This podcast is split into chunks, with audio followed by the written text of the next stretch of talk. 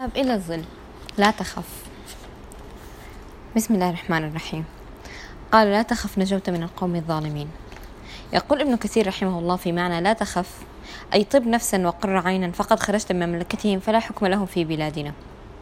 ويشرح تلك اللفتة الطاهر بين عاشور رحمه الله؟ فيقول طمأنه شعيب بأن يزيل عن نفسه الخوف لأنه أصبح في مأمن من أن يناله حكم فرعون؟ لأن بلاد مدين تابعة لملك الكنعانين وهم من أهل وهم أهل بأس ونجدة. ومعنى نهيه عن الخوف نهيه عن ظن أن تناله يد فرعون. لما قص موسى عليه عليه السلام القصص وسرد تفاصيل ما حدث له لشعيب عليه السلام وأخبره أنه أن دمه بات مهدورا وأن السلطات الفرعونية تطلب رقبته قال شعيب بلغة حانية مليئة بالرحمة لا تخف نجوت من القوم الظالمين. لم يقل شعيب في نفسه لا دخل لي بهذه التفاصيل الذي يعنيني من موسى هو أن يأجرني ويساعدني.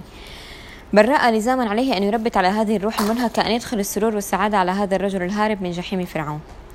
قانونا المستلم من قصة فرعون عليه من قصة موسى عليه السلام هو لا تخف لا تدع خائفا إلا وهمست في أذنه بلا تخف اجعل كثرة الدموع المنسكبة من, همام من مهامك في هذه الحياة. علق في قلبك لوحة كبيرة واكتب عليها بخط ديواني جميل لا تخف ثم لا تترك كئيبا ولا حزينا ولا خائفا إلا وقرأت عليه تلك اللوحة إلا وشرحتها إلا وعملت معه مما تمليه عليك. احتفظ في جيبك بمرهم للجروح لجروح الأنفس الحزينة. ثم لا تدع يتيما ولا فقيرا ولا مريضا ولا إلا ودهنت نفسه بذلك المرهم. قل له لا تخف. سيزول مرضك بإذن الله. سيرزقك الله. ستكبر. ستتجاوز هذه المصاعب. ستبتسم لك الحياة. الناس يحتاجون إليك. الحياة ملأتهم ندوبا. فكن أنت الضماد الذي يجدون فيه برء تلك الندوب. كن المدرج التي تهبط على أرضه طائرة سفرهم الممرض. والدتي حفظها الله. تجيد العمل بنظرية لا تخاف ولكنها حولتها بلهجتها الجنوبية الجميلة لتصبح ما لا, خي... ما لا خيرا. أي ليس ثمة إلا الخير. كنت كنت وأنا بعد الصغير العمر والخبرة وأعيش معها أتعلم منها وأشكو وأبث إليها كل ما أحسه أو أشعر به أو أتخيله. استيقظت ذات ليلة من النوم وقد خدرت يدي فباتت وكأنها قد شلت. حاولت تحريكها فإذا بها جامدة ولا عهد لي بمثل هذه الحالة. فيقظت والدتي وأنا فزع وشرحت لها ما حدث فقالت بهدوء ما لا خيرا إنما نامت وعلى وقع كلماتها تدفق الدم إلى يدي وبدأت تتحرك. وكلما شكوت لها ألما غريبا تقول لي ما لا خيرا. ثم تذك... ثم تذكر لي أنه قد عرض لها مثله وأنه ألم حميد فأشعر بالهدوء بسبب كلماته المهدئة. وإجابتها الوحيدة عن كل ألم أو شكوى أو تخوف تصوغها بج... بلهجتها القروية الحبيبة ما لا خيرا. نكهة القرية. ما أكثر الذين يحاولون أن يوصلوا للآخرين رسالة مفادها أن الحياة صعبة وأن مخاوفها في ازدياد وأن الاقتصاد ينهار وأن الحروب قادمة. ونذر الشر تنشر غيومها في الآفاق. هؤلاء موجودون بكثافة. إنهم يمثلون دور الأذكياء جدا يفهمون في السياسة والاقتصاد والخطط الاستراتيجية والعلاقات الدولية والتاريخ وعلم النفس والأنثروبولوجيا وشيء من من الميتافيزيقيا. ستجدهم في مجلسك وعملك وفي الشارع. ستلتقيهم وأنت خارج من المسجد. أو واقف لدى الطابور للمحاسب في في متجر ما. سترى سحانتهم في الاستراحة. ستغص بهم غرفة المعلمين إن كنت معلما.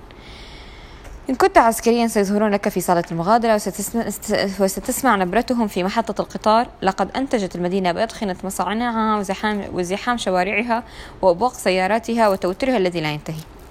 أنتجت من هذه النوعيات عددا لا متناهي والمطلوب منك هو أن لا تكون ضمن هذه الأعداد الغفيرة.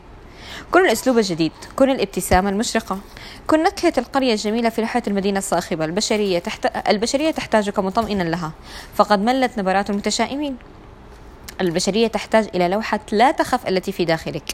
أرجوك أظهرها وارفعها عاليا.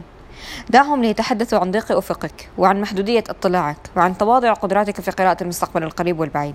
سيعرفون مما تمتلكه في من عمق الفهم وبعد في وبعد في النظرة عندما تضيق بأمراضهم المستشفيات وتغص بهم عيادات الأمراض النفسية. لا أتمنى لهم ذلك ولكن البشرية متجهة بهذا الأسلوب إلى الموت أو الجنون في أفضل حالاتها لأنه لا يمكن أن ينام أحدهم على قضبان سكة الحديد. ثم يزعم أنه في الغد سيذهب إلى الحديقة ليتنزه إلا إن كان يقصد أنه سيذهب إلى الحديقة على شكل ثلاثة أجزاء منفصلة. وبشر المؤمنين. هنا شعيب عليه السلام يقول لموسى عليه السلام لا تخف. وهناك يوسف عليه السلام يقول لأخيه بنيامين فلا تبتئس. وهنالك محمد صلى الله عليه وسلم يقول لأبي بكر في الغار لا تحزن. إن التربية على الأرواح وهدهدة المشاعر وظيفة من وظائف الأنبياء عليهم السلام. لقد كانوا يسيرون في الحياة وينثرون ورود التفاؤل في الأمل في من حولهم. وهذا القرآن يأمر, يأمر فيه الله تعالى بأمر مطلق بلا قيود ولا حدود وبشر المؤمنين. بشرهم بكل شيء جميل. بشرهم بالمطر وإن لم ترى الغيوم وبالشفاء إن لم ترى بشائر العافية. وبالخصب المالي وإن قالت نظريات الشؤم الاقتصادية عكس ذلك. بشرهم بالسعادة وإن رسمت الدموع تحت أعينهم أخاديد عميقة. وبالرضا وإن تكالبت من أنواحهم من حولهم المصائب. وبشر المؤمنين بكل جميل. ثم بشرهم برضوان الله. إن رضوا وبجنة الله إن صبروا. وبالسعادة الأبدية التي تنسيهم كل شقاء. ابتسم.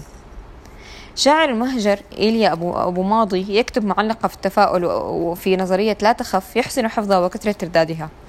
قال السماء كئيبة وتجهمها. قلت ابتسم يكفي التهجم في السماء.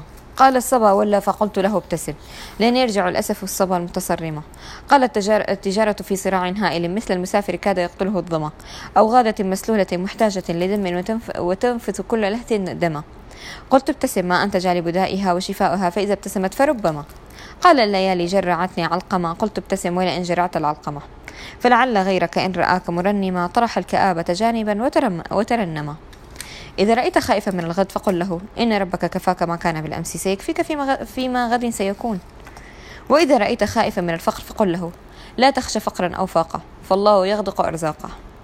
إذا رأيت خائفا من الموت فقل له أي يوم من الموت أفر يوم لا قدر أو يوم قدر.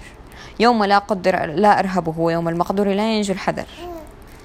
أجمل الذكريات هناك أشياء تنتقل بالعدوى الاجتماعية منها الابتسامة والبشاشة. كن أنت مصدر هذه العدوى. كن كن أجمل ذكريات من حولك. دعهم في الغد يتذكرون كلماتك المشجعة وأنك من لقنهم درس التفاؤل وحفظتهم آية فإن مع العسر يسرا. في الناس غرقة. كن الحبل الذي يمتد لهم وفيهم الجوعة هم كسرة الخبز التي تملأهم حياة. وفي الحزانة فكن وفيهم الحزانة فكن اليد التي تمسح دمعاتهم كن الشيء الجميل في ذاكرة من حولك أهذا صعب؟ يقول سبحانه وتعالى وقولوا للناس حسنا أهذا صعب؟ ومن أجمل القول الحسن الحسن كلمة لا تخف أو كلمة فلا تبتئس أو كلمة لا تحزن تقولها لنفس تبكي في غار الظلمات